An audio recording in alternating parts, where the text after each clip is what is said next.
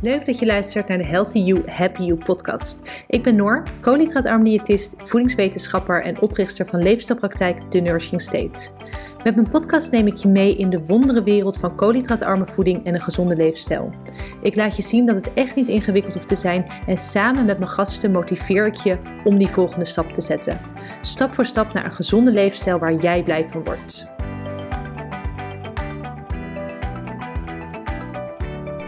In deze aflevering wil ik het gaan hebben over de verschillen tussen suikervrij eten, koolhydraatarm en keto. Ik merk namelijk dat hier veel onduidelijkheid over is. Vrouwen die bijvoorbeeld suikervrij eten, denken dat ze koolhydraatarm eten. Uh, ook het verschil tussen koolhydraatarm en keto is niet altijd duidelijk. Dus ik dacht, ik ga daar een podcast over opnemen, zodat je weet wat nou precies de verschillen, maar ook de overeenkomsten zijn. Laten we beginnen met suikervrij. Bij suikervrij ga je ervan uit dat je geen toegevoegde suikers eet. Dus geen koek, geen snoep, geen toetjes, geen andere zoete producten waar suiker aan is toegevoegd. En ook geen tafelsuiker, dus gewoon het witte suiker.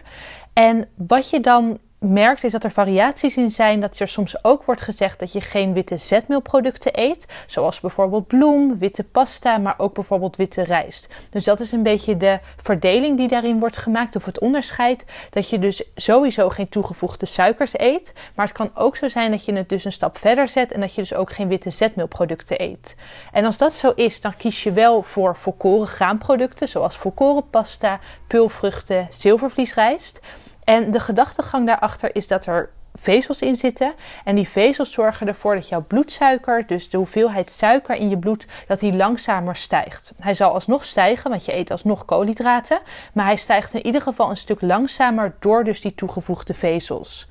Ook is het zo dat je bij suikervrij wel fruit eet en dat je soms kiest voor suikervervangers zoals ahornsiroop en honing.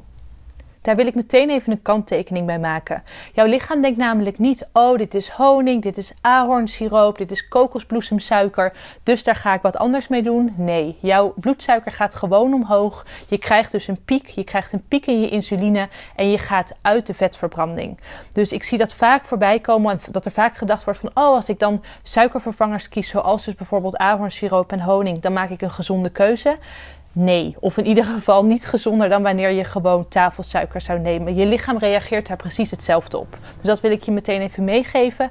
Heb niet het idee dat daar een bepaald onderscheid in zit. Je lichaam, zoals ik al zei, reageert hetzelfde en je bloedsuiker zal dus gewoon stijgen. Dan een koolhydraatarm voedingspatroon. Een koolhydraatarm voedingspatroon bevat maximaal 130 gram koolhydraten per dag. Even ter vergelijking, als je kijkt naar de richtlijnen goede voeding, de schijf van 5, dan wordt aangeraden om 250 tot 350 gram koolhydraten per dag te eten. Ervan uitgaande dat je op 2000 calorieën per dag zit. Dat kan natuurlijk nog een heel stuk hoger zijn, zeker als je ook veel zoetigheid tussendoor eet. Maar dan heb je even een idee van: oké, koolhydraatarm is dus eigenlijk de helft van wat de richtlijnen goede voeding, de schijf van 5, aanraadt. Een koolhydraatarm voedingspatroon gaat nog een stap verder dan suikervrij. Dus bij suikervrij heb je geen toegevoegde suikers, geen tafelsuiker en in sommige gevallen ook geen witte zetmeelproducten. Dus dat laat je bij een koolhydraatarm voedingspatroon sowieso weg.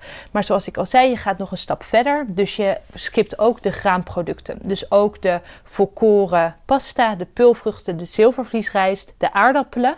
Want ondanks dat er meer vezels in zitten en dat ze er dus voor zorgen dat je bloedsuiker constanter blijft, bevat het wel koolhydraten. Dus als jij bedenkt van oké, je wilt 130 gram koolhydraten per dag maximaal binnenkrijgen.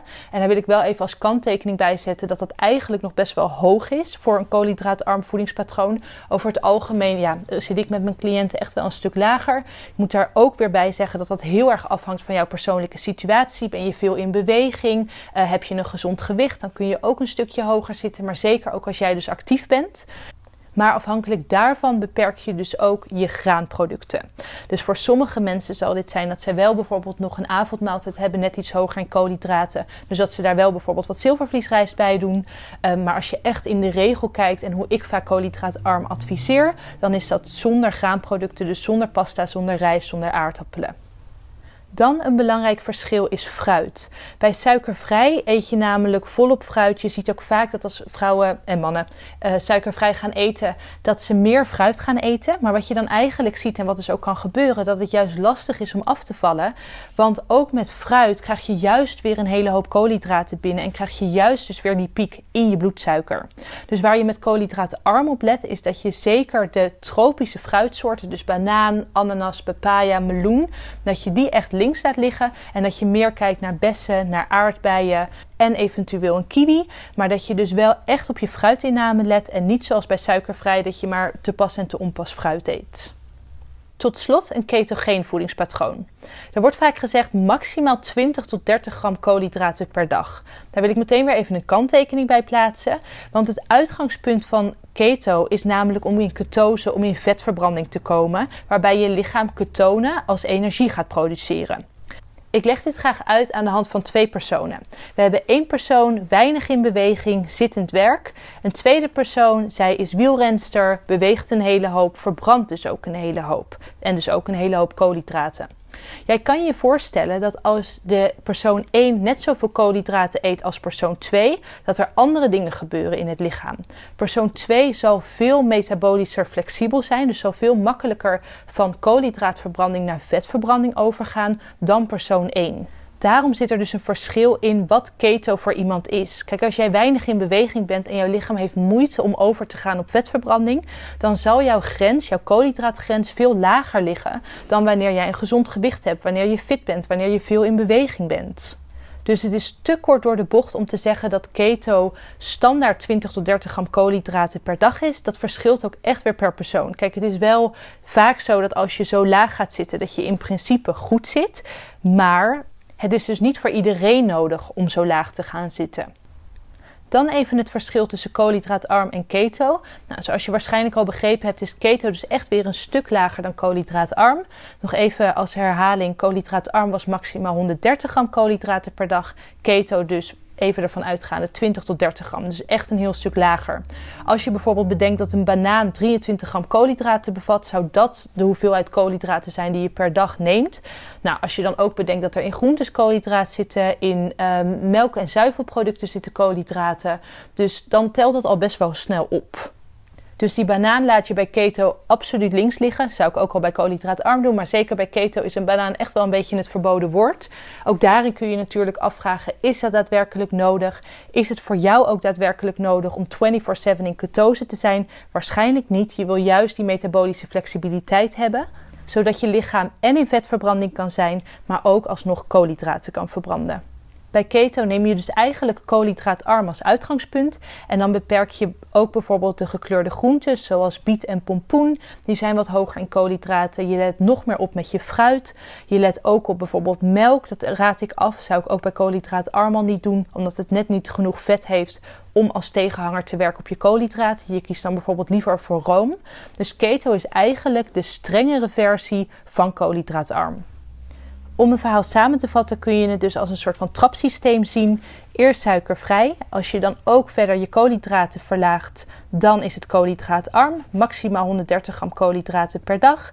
En dan als je verder je koolhydraten verlaagt, dan zit je op keto. En dat verschilt per persoon, maar om het even makkelijk te maken, maximaal 20 tot 30 gram koolhydraten per dag. Ben je klaar om in actie te komen? Top! Toch wat twijfels of vragen? Je hoeft het niet alleen te doen. Plan via onze website www.thenursingstate.com een vrijblijvend kennismakingsgesprek in. Dan denken we persoonlijk met je mee of een koolhydraatarme leefstijl ook bij jou past. Tot slot wil ik je om een kleine gunst vragen. Wil je de Healthy You, Happy You podcast beoordelen op Spotify of Apple Podcast? Dan kan ik nog meer mensen helpen naar een healthy, happy leven. Dankjewel en tot de volgende keer.